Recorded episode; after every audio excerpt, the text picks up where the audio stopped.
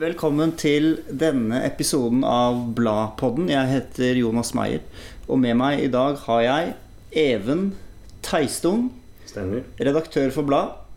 En av to redaktører, og kritiker. Velkommen til deg. Mm, takk. Og vi har Gabriel Moro, også redaktør for Blad, men du er i permisjon. Det stemmer. Og så er du kritiker og forfatter. Så for å bli litt kjent i starten må vi jo starte med å høre, siden dette er blad Bokvennen sitter her og vis. Vi er jo bokvenner, skulle vi tro. Så hva leser dere for tiden? Kanskje Even har lyst til å starte. Du får lov, maks lov å nevne tre bøker hvis du leser flere på en gang. Mm. Jeg eh, er akkurat ferdig med å lese en mastodont av en bok, nemlig Åsne Seierstads 'En av oss'. Eh, For, som jeg fant på loppis, og bestemte meg nå for etter ganske lang tid å lese. Eh, som kommer av en, jeg skal ikke si usunn, men en ny og litt sånn ubehagelig interesse for eh, for ja, 22. juli og litteraturen rundt i etterkant.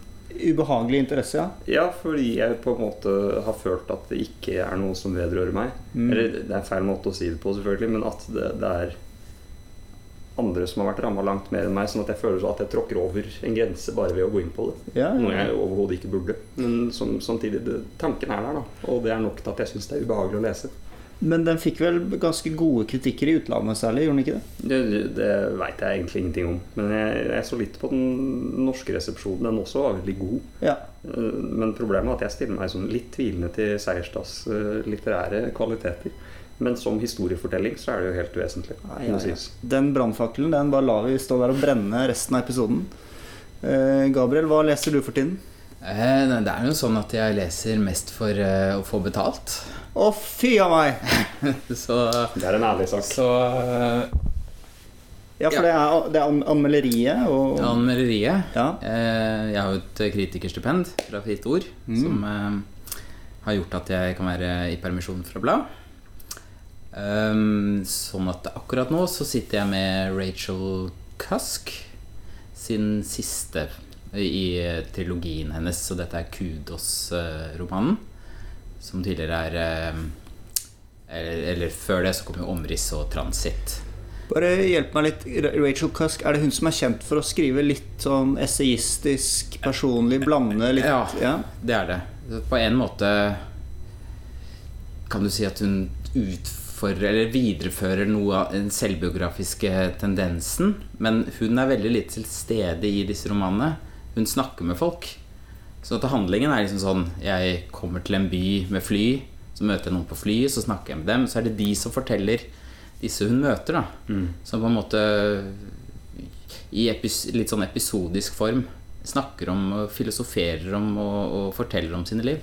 Mm. Eh, men det, hun har jo fått veldig mye skryt uh, og blitt ganske populær i, i, i Norge også. ja. Uh, men hun er ny for meg, så jeg er liksom i en prosess med å tilegne meg dette forfatterskapet. Herlig. Så du begynner rett på nummer tre, eller? Eh, jeg skal lese alle, men jeg skal bare anmelde den siste. Ja, nettopp. Mhm. Ja, er det ingen som skal spørre meg hva jeg leser for tiden? Hva leser du for tiden, Jonas? Jonas? Åh, takk for at du spurte. Jeg leser nå altså, I forrige episode så leste jeg en novellesamling av en som het Ted. Jeg husker ikke etternavnet. Nå er jeg nesten ferdig med den. Husker du etternavnet? Nei, Jeg burde jo selvfølgelig forberedt meg, det er dårlig. Men jeg sier alltid han har skrevet den ene novellen som filmen 'Arrival' er basert på. Ja. Det er en veldig sånn idéforfatter, science fiction. For eksempel er det en av novellene som handler om Babels tårn. Menneskene bygger Babels tårn, men de, de klarer det. De kommer opp til Gud. Og så skriver han hva er det som skjer når de klatrer inn, inn i himmelen der. Så det er fascinerende tekster, slik jeg, jeg følger min litterære smak. Da. Det er en nålevende forfatter. Han lever nå, ja, i aller høyeste grad. Han er produktiv og mm, pumper ut tekster. Men ikke oversatt til norsk? Virker Det vet jeg kanskje ikke. Nei, nei. Godt spørsmål. Til neste episode skal jeg finne etternavnet hans også. Mm. Mm. Dere, I dag skal det handle om tysk litteratur. Eh, Vi skal snakke litt om For det var tysk litteraturfestival nå i helgen, og Blad er jo ute med et tysk spesialnummer. Mm. Så skal vi høre litt for Gabriel. Du har jo anmeldt en del tyske bøker i det siste. Så høre litt hvordan det er, og hva du tenker om det. Og Even, du har jo til og med vært i Tyskland. Ja. Sammen med Ulla, som også er redaktør for bladet. Og dere har hatt, gjort dere noen inntrykk da i selveste Frankfurt, der eh, bokfestivalen skal være bokmessen. Og den skal vi også snakke litt om hvis vi får tid. Bokmessen i Frankfurt. Når er det? Er det oktober? 2019? Rundt der et sted. Ja. Det er noe sånt, ja. Mot høsten. ja. La oss starte med denne festivalen. Tysk, svær, masse mennesker. Litteraturhuset. Hva sitter vi igjen med etter en sånn helg? Dere har vært på noen av arrangementene i hvert fall. Ehm, jeg satt mye ute og koste meg i sola, men jeg var med på noe. Ja, men Det er jo veldig tysk litteraturhouse, er det ikke det? Ellers så får jeg måtte treffe noen venner og sånn. Men uh, mitt inntrykk er at uh, det er et fantastisk tiltak. Og uh, det var et veldig proft eh, opplegg. Mm. Med utrolig mange som har stilt opp altså, med støtte. Og de hadde et stort budsjett. Eh, men bare det å få det til nå i dette året, hvor Norge liksom skal hauses opp i Frankfurt, da. Mm. eh, og gi noe tilbake til tysk litteratur. Som, eh, det oversettes jo ikke så mye, ikke sant? Det er jo det som er litt pinlig, Mm. til dels. Ja. Det er kanskje maks 20, hvis vi snakker mer sånn skjønnlitteratur, i året. Mm. Eh, 20 bøker i året. 20, 20 bøker i året, ja. Ja. Mm. På det meste, vel. På, på det meste omtrent, ja. Mm. ja. Mm. Og, og da kunne Her var det jo forfattere som enda ikke er oversatt til norsk. I stor grad. i stor egentlig. grad, ja. Og noen, noen stjerner, da, Mm. som allerede er kjent. Mm. Uh, nei, all ære til de som eh, har trommet sammen dette. ja. Altså, det virket utrolig vellykket. Eh, Jeg var på et par arrangementer. Det var fullt. Mm. Folk eh, Det var liksom yrende liv, følte jeg. Ja. Og så var det en sånn artig blanding av tysk og norsk. Veldig mange tospråklige der. Mm. Folk gikk rundt med sånne buttons. Spør meg hva er det på tysk igjen. Fragmich. Fragmich. Og de var ofte tospråklige. Ja. Ofte snakket norsk med litt tysk aksent. Mm. uh, Så jeg, men Goethe-instituttet var jo, tror jeg, tungt inne i denne festivalen. Sikkert på mye det faglige, vil jeg tro. Mm, ja, og Eh. som del av ja, det organisatoriske, Ja. administrative, at de Ja. har bidratt, vil jeg tro, mye med ja, å opprette kontakter, skaffe kontakter, få ting i havn. Mm. Det som det kreative teamet har pønska ut, tror jeg de har vært nødvendige for å få i land, Mm. mer eller mindre. Du holdt jo et foredrag, eh, Even. Stemmer. Hvordan gikk det? Det, det, etter hva jeg kan bedømme, så gikk det bra. Eh, Folk klappa da jeg var ferdig, og noen sa takk. Eh, Og det var stappa fullt, folk kom ikke inn. Ja, det, det er for så vidt også sant. Eh, Det, det, var, det var fullt. Det var overveldende på et vis. Det er jo første gang jeg har gjort noe tilsvarende. Eh, Men eh, så får det også legges til da, at eh, dette foredraget og en del andre av de forholdsvis smalere arrangementene, at festivalen på tross av dens egentlig ganske kommersielle uttrykk også hadde plass til disse tingene. Ja. Til forfattere som jo enten ikke er oversatt eller ikke lenger tilgjengelige, sånn som tilfellet er for VG Sebald, som jeg snakka om. Det fins kun én bok på norsk som er tilgjengelig, de andre er ute av trykk. Eh, Men at det fortsatt var rom for disse programpostene, og at også det skapte eh, såpass mye oppmerksomhet, det syns jeg er beundringsverdig, og det sier noe om posisjonen til en del av disse forfatterskapene eller interessen som ligger der, og som nødvendigvis da ikke får den tilfredsstillelsen det trenger ved f.eks. at bøkene er mulig å få tak i. ja. Hva, hva, kan man si noe om tysk litteratur nå etter en sånn festival? Er det grunnlag for det? Hva, Generelt. eller tyskspråklig litteratur? Ja, hvis man skal være litt dristig. Jeg tror det skjer mye spennende Mm. tysk litteratur som ikke når oss. Mens på en måte stort sett det norske litterære miljøet og forleggeriet liksom er England, England, Amerika, Amerika. Amerika, Amerika. liksom, Mm. Og litt eh, Sverige. Og litt Sverige. Rachel Cusk er Amerika, er hun ikke det? Canada. Canada, ok. Så det er litt bedre. Ja. Men altså at det er der alt det spennende skjer, da. Mm. Det er jo en sånn tendens. Så, ikke sant? Hvis man ser på bøker oversatt fra engelsk, så Det sluker jo markedet. Mm. Og både fra, i barne- og ungdomslitteratur er det helt ekstremt. Altså Der snakker vi liksom 60% eller hvor mye det er, Ja. av alt som utgis, er oversatt fra engelsk. Eh, I voksenlitteraturen er det ikke fullt så ille, men det er likevel et dominans, da. Mm. Men altså Tyskland er jo en, en Europas største land og ikke sant eh, Europas kanskje liksom kulturelle også Ja, en stormakt på alle måter. Ja. Eh, og det er så mye som vi ikke får med oss. Som ikke jeg kjenner til heller, selvfølgelig. Men, eh, og det følte jeg festivalen Det var flere der jeg ble veldig nysgjerrig på. Mm. Vil du gi et eksempel? Eh, nei, altså, som sagt, jeg fikk ikke med meg nok. Men bare under åpningsarrangementet så var det to eh, ja, forfattere og poeter da, som leste. Mm. Eh, det var helt topp. Mm. Altså I engelsk oversettelse, eller var det Nei, de leste på tysk. Ja, du kan tysk. Jeg, ja, jeg kan tysk. Men det var oversatt bak, da. Flaks. Og, så det var godt opplegg. Ja, for jeg, jeg sitter jo her Jeg kan ikke tysk, nemlig, men jeg vet at Even kan tysk. Ja, til en viss grad. Jeg føler meg veldig lite dannet Uh, ved å ikke kunne Nei, tysk. men jeg kan ikke fransk, og det er jo også et stort litterat litteraturspråk. Ja. Men jeg syns det var interessant det du sa, um, at vi retter oss mot England, USA. For hvis vi spoler tilbake til eh, før andre verdenskrig, Ja. så var det jo nesten omvendt. Eller kanskje enda lenger Ja, ja. tilbake. Jeg, jeg sitter og skriver, som jeg sier til alle, master om Søren Kierkegaard. Mm. Og han leste Shakespeare på tysk. ja, ja, ja. Og siterer Shakespeare på tysk i bøkene sine. Mm. Han kunne ikke lese engelsk. Men tenk på nærheten mellom Danmark og Tyskland også, da. Ja. Det, det, det er noe helt vesentlig der som det er veldig lett å glemme. Jeg, jeg intervjua Sverre Dahl, den legendariske tyske oversetteren, til eh, det siste nummeret av eh, bladet.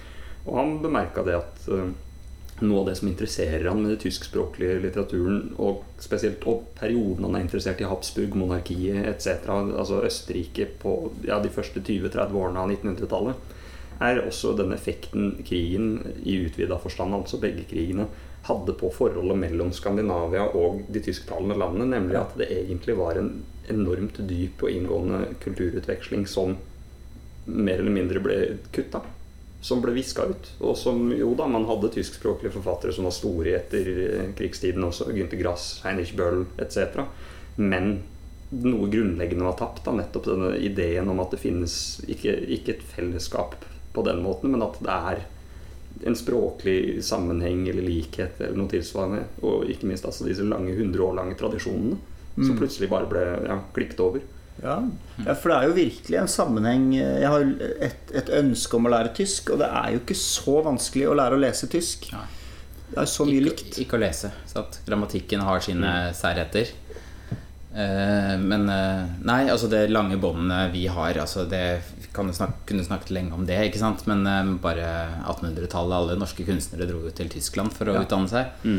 Eh, Er det ikke litt sånn fortsatt, da? Med Berlin og og så har du nå en ny bølge, Ja. da. På, grunn- mye pga. av Berlin. Mm. Og på grunn av de lave, tidligere lave leiekostnadene i Berlin, vel. Ja. Som nå også er på vei til å endre seg. Jeg har jo nettopp solgt leilighet, vet du. Jeg har vært en av disse fæle skandinavene som har investert i, i bolig i Berlin. Og fått uh, avkastning på det. Uh, men Ja, for det har vært høy prisøkning. Eh, ja, jeg er den i elleve år. Ja. Men har jo hatt utrolig stor glede av å kunne ha en bolig i Berlin og bruke den. Mm. Og bo der et par år, da. Kunstnerlivet i Berlin. Kunstnerlivet i Berlin. Eh, Du har jo anmeldt en del bøker i det siste fra Tyskland. Ja. Tyskspråklige forfattere. Ja. Er det noe du vil trekke fram, eller um, noe vi bør snakke om nå for interesserte lesere også?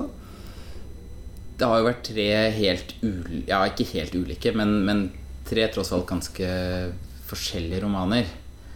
Nå i det siste, som har vært anmeldt i blad, da, hvis vi skal holde oss til det.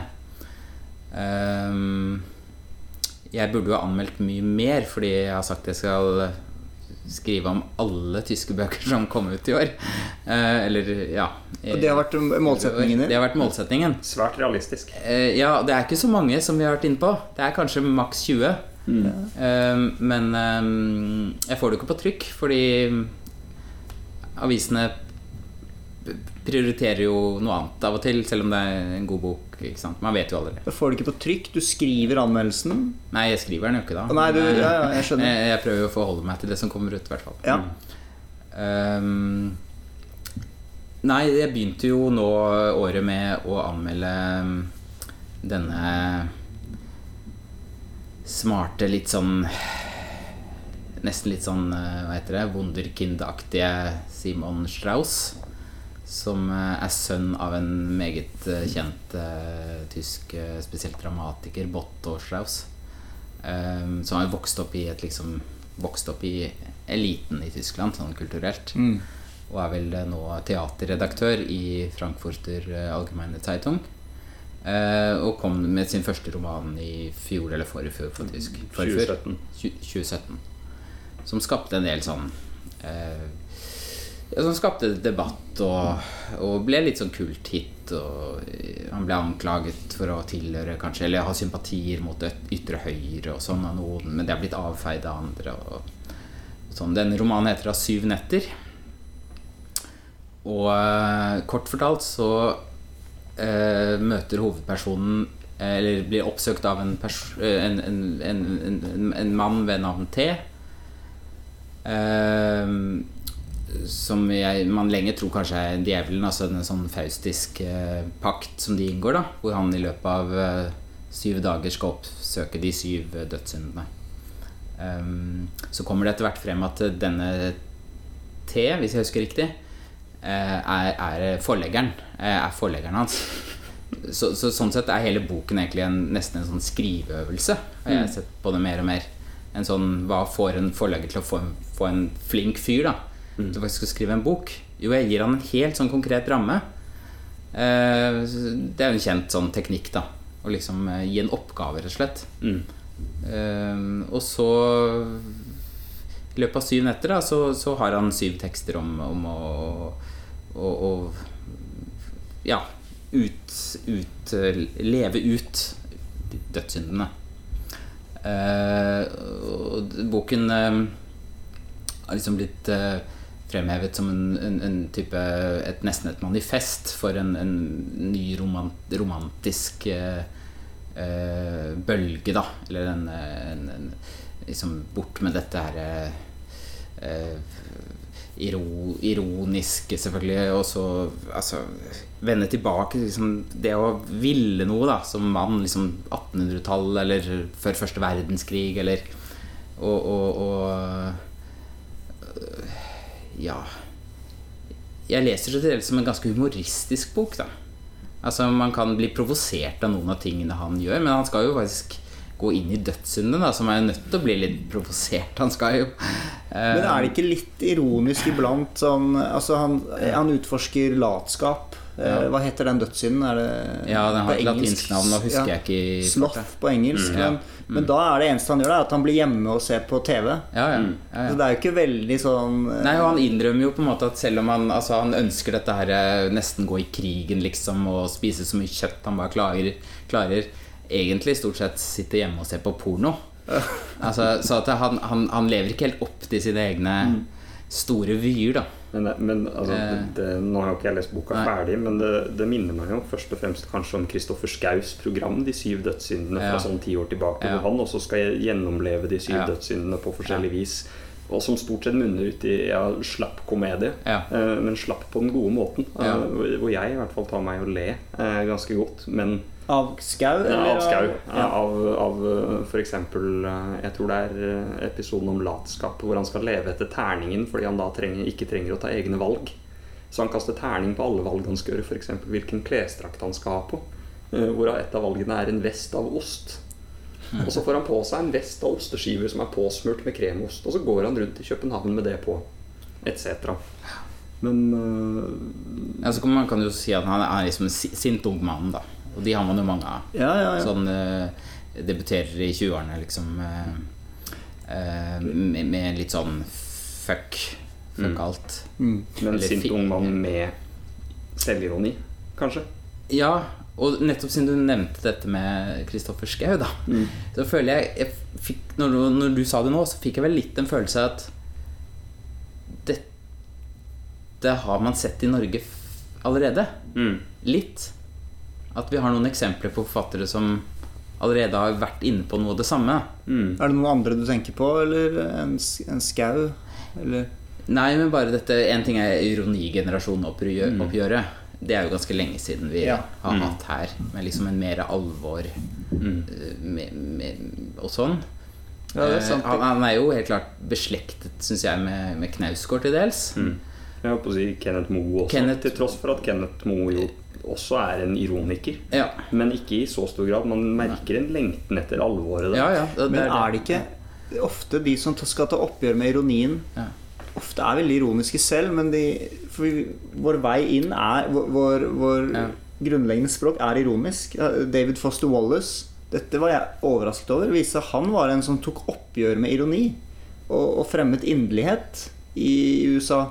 Men han ser jeg på som en veldig ironisk forfatter, egentlig. Mm. Så jeg vet ikke om det er tilfellet her for Strauss også, at han eh, går på for, Det skal være store følelser, det skal, det skal rive litt, men kanskje språket egentlig er litt ironisk uten at han kan kontrollere det helt. Og kanskje Ja. han vet at det er parodisk når det kommer til stykket. Ja, At han ja. ikke kommer seg forbi ironien. Ja. At, at eh, ironien tross alt altså, Når det kommer til stykket fordi Bokas ansatspunkt er jo den angsten for å bli voksen. For de faste rutinene. Mm. Og, og så forsøker han å skrive seg frem etter hva jeg skjønner til denne, denne intense gleden ved å leve. Han sier at den som har mest rett, er ikke den med det skarpeste sinnet, men den med den villeste fantasien. Mm. Noe sånt noe. Men når du, som du sier, når han sitter og ser på porr, liksom, Mm. det, og det er det han gjør Mm.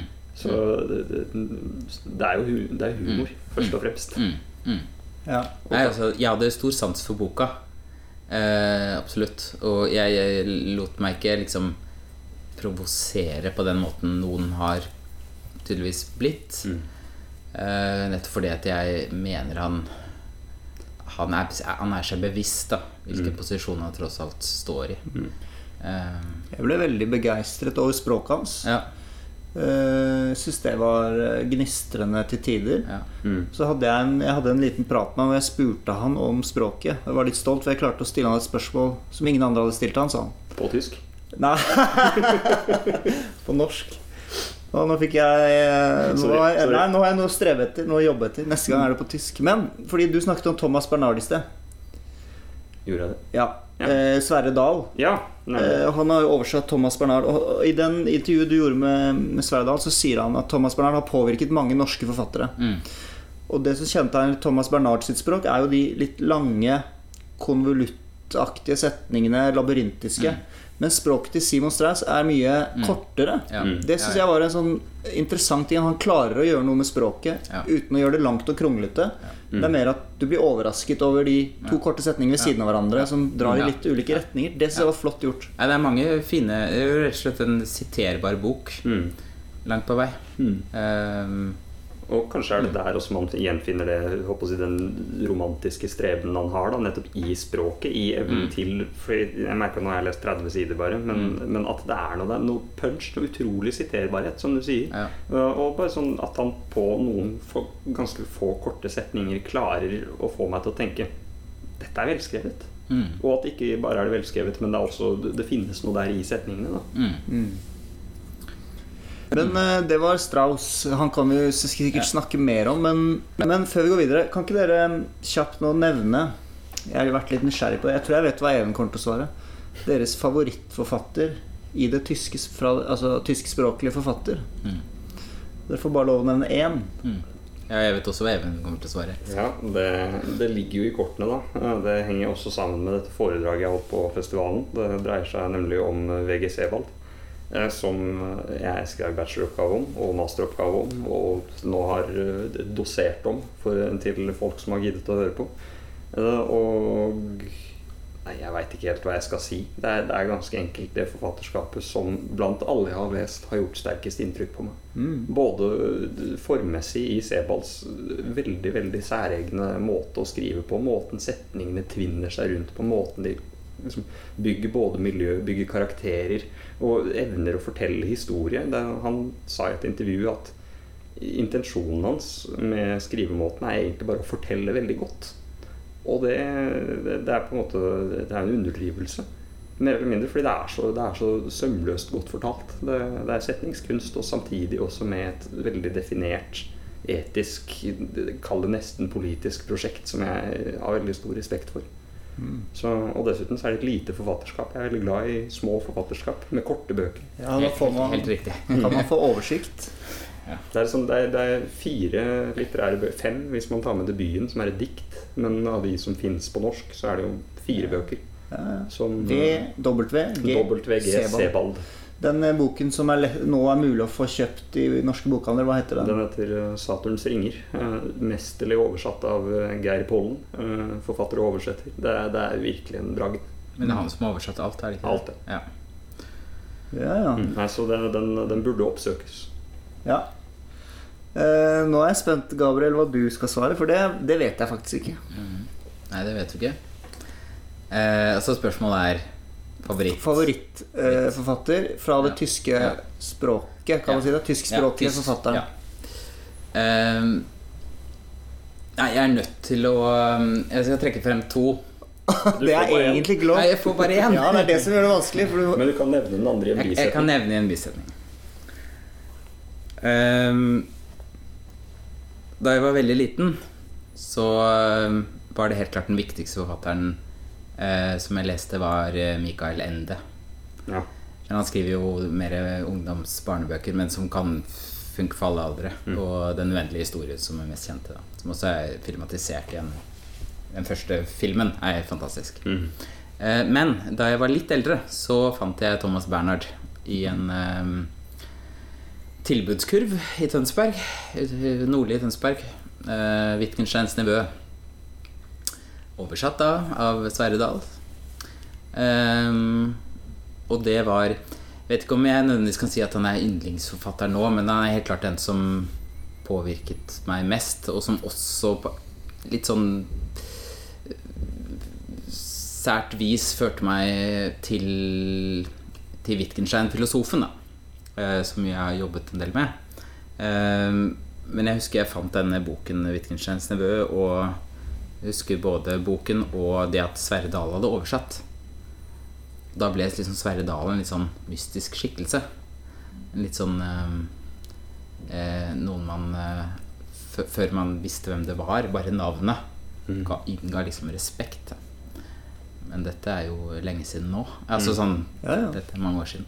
Men det er helt klart Thomas eh, Bernhard. Ja. Eh, Mm. han har jo påvirket eh, mange forfattere. Mm. Og en farlig forfatter å la seg påvirke av. Mm. Fordi det, finnes, det er så lett å bli en ep eh, epikon. ja. Eh, Ja. Det, ja, det er et eller annet med det.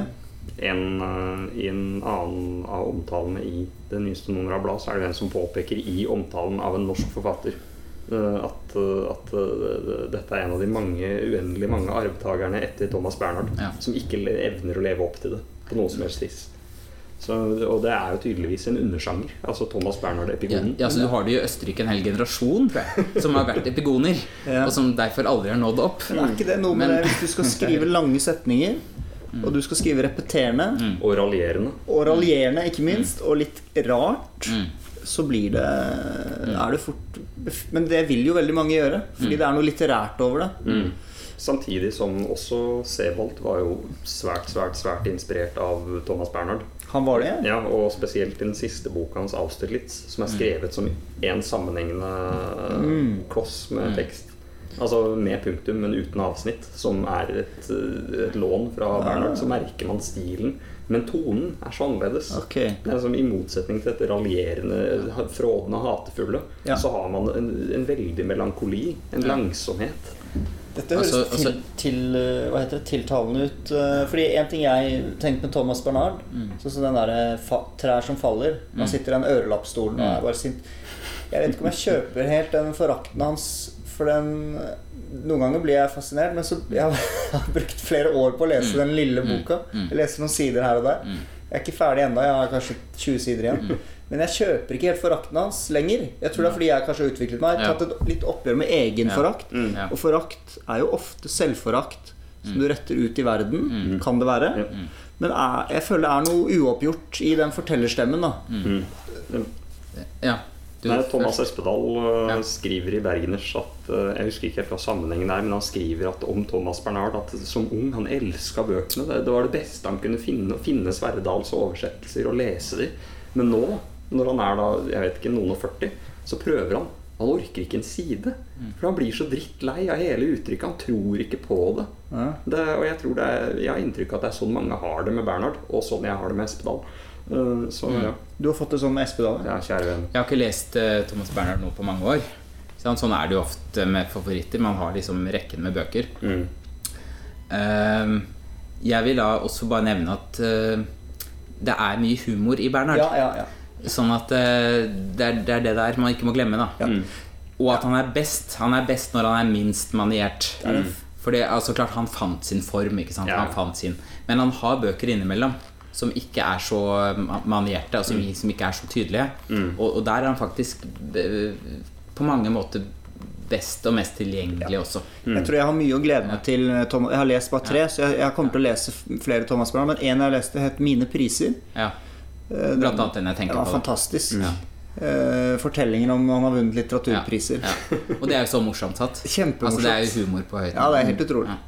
Så ja, er det ikke noen som skal spørre hva jeg eh, Jo, hva liker du av tyske? Hva er din yndlingstyske? altså, Jeg må bare si en ting. Nå er jeg sitter jeg her litt bekymret. Her sitter vi tre menn og nevner mannlige forfattere. ja. Dette visste jeg kom til å skje. Og jeg kommer også til å nevne mannlige Ja, ja, men forfatter. ikke minst så henger det her sammen med at du kun ga oss én forfatter hver. okay. For hvis du hadde gitt meg to, så ville jeg nevnt Jenny Erpenbeck. Den umåtelige Jenny Erpenbeck. Ah. Den leste du jo, husker jeg, forrige gang vi snakket Ja, jeg holder fortsatt på med den. Ja. Men, men jeg, jeg var så heldig å treffe Ote Neumann på festivalen i helga. Og diskutere Erpenbeck. Og det var så gledelig å møte noen som har lest bøkene på samme måte som meg, og som finner en sånn dyp litterær glede i det. Ikke minst den boka som heter 'Alle dagers ende', som øh, hun har oversatt, og som vel det samlede norske kritikerkorps mente var vidunderlig. Mm. Og det er den. Det er øh, ikke minst en bok i Sebalds ånd. Den starter med en Gladfall. Sebald Sebald Nei, men, med. men fytti rakkeren, altså Jenny Erpenbeck, det er eh, top of the game. Ok, Jenny Erpenbeck, ja. Da fikk vi, fikk vi henne inn. Men jeg har tenkt å nevne, og jeg skal være veldig sånn basic nå, eh, Kafka. Frans Kafka. Ja, Det går, altså, selvfølgelig, det går jo ikke an å komme unna Kafka. Nei, altså, det er den den. Jeg husker jeg leste um, Prosessen. Mm. Syns det var litt tungt, og sånt sånn, men etter hvert kom jeg inn i det. Jeg tror det var i begynnelsen av 20-årene. Mm. Så leste jeg siste side, og så Dette tror jeg er eneste gangen jeg har gjort. Jeg begynte på nytt igjen med en gang. Mm. Og så leste jeg den på nytt. For det rystet meg, liksom. Mm. Og det, en sånn leseropplevelse, det må jeg bare da, har han, da, da står han høyt da, for meg, bare det. Mm. Så kommer jeg tilbake til han iblant. Jeg syns jeg har fortsatt bra, godt forhold til Kafka. Altså. Mm. Eh, Men han var jo tsjekker Mm. og skrev på tysk. Mm.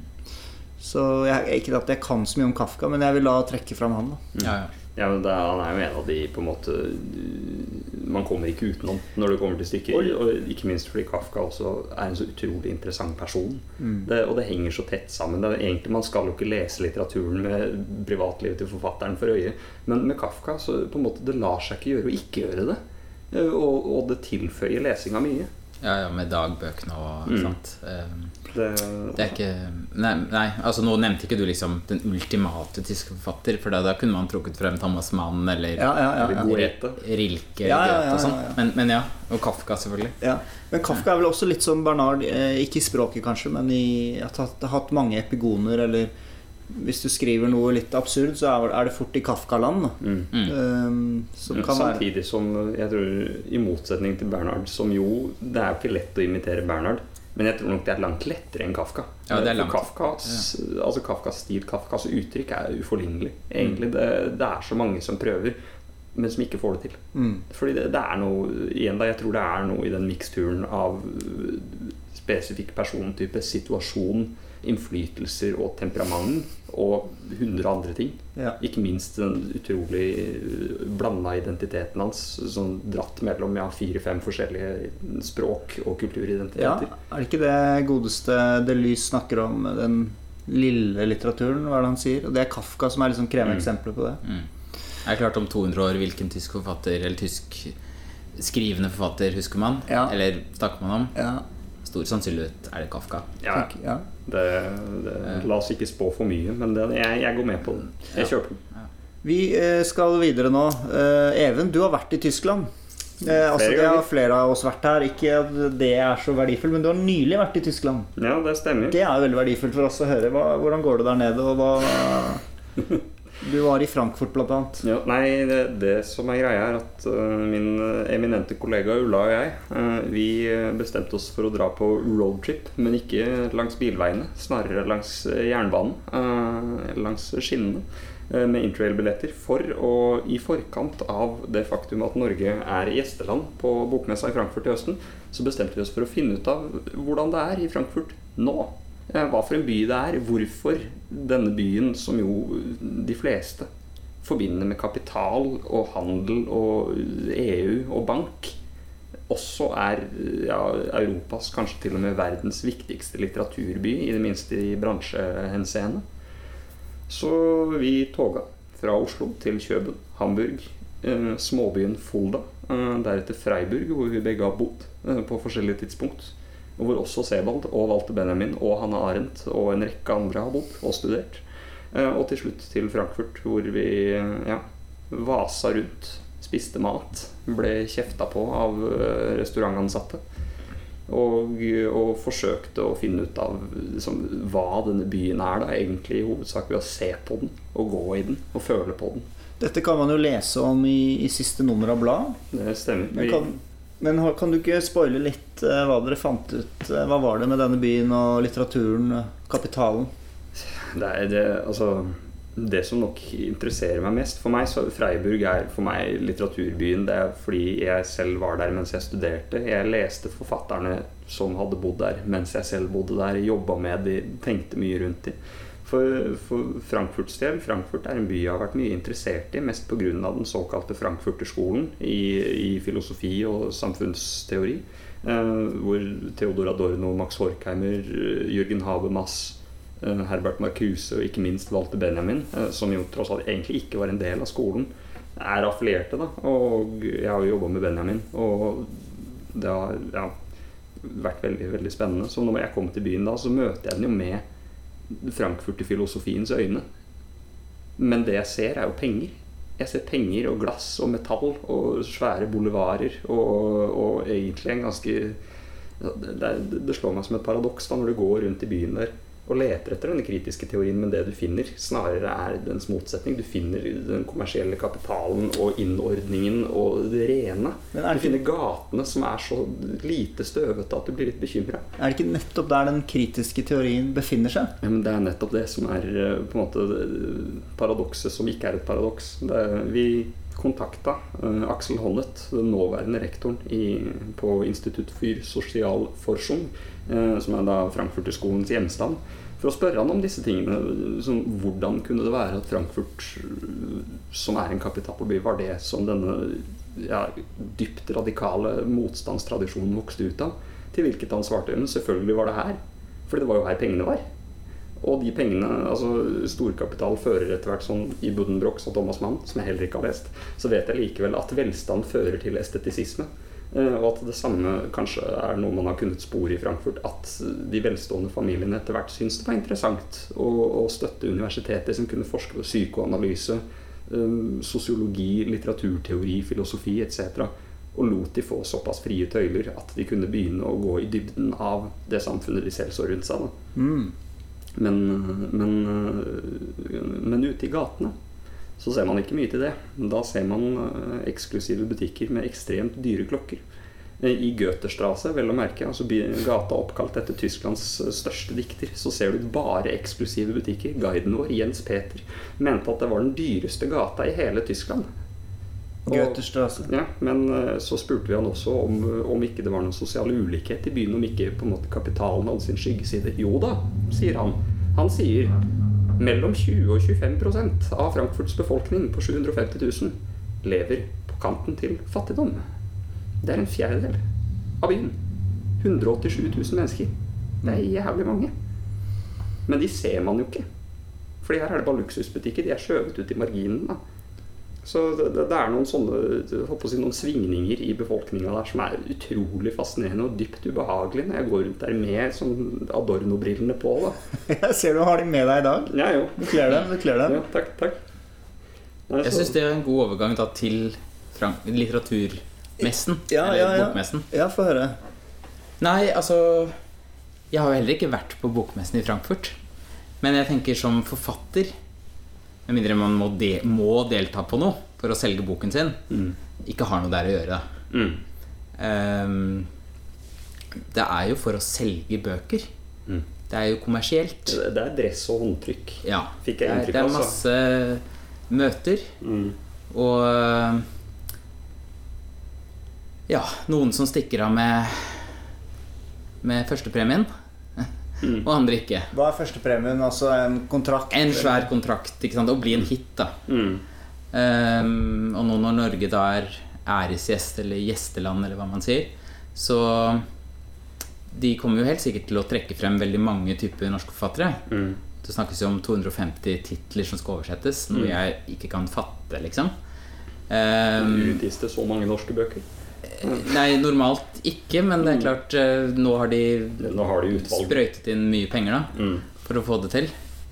Um, men det er klart det er likevel noen få som kommer til å virkelig sitte igjen med millionene på bankkontoen. Da. Mm. Men så, sånn er det. Men altså, det er jo Det er jo ikke en, det er ikke en Dette er jo ikke en messe for forfattere. Mm. Det er en salgsmesse. Ja. Altså jeg eh, var jo ferdig på eh, forfatterstudiet i Tromsø for noen år siden. Og da sto jeg på et sånt valg hvor jeg enten skulle gjøre ferdig masteren min, eller begynne på min første skjønnlitterære utgivelse. utgivelse. Og da var et av de som surret i bakhodet mitt, var 'bli ferdig før, Frankfurt 2019'. Det tror jeg mange forfattere har tenkt nå, for nå har de hatt kanskje sånn fire år på seg noe siden det ble bestemt. Eh, men jeg tror det er en stor feil, da. Eh, hvis- Og hvis du kommer i, med bok i år, og liksom Frankfurt Du tenker 'nå skal det skje', så tror jeg du blir veldig skuffet. Mm. Jeg tror du blir veldig skuffet. Ja. Ja, altså, Jeg valgte masteren, det skal sies. Det, det er både for sent, men det er òg liksom eh, For fremtiden kommer dette til å være viktig. Så jeg tror det er mer i de kommende årene, da.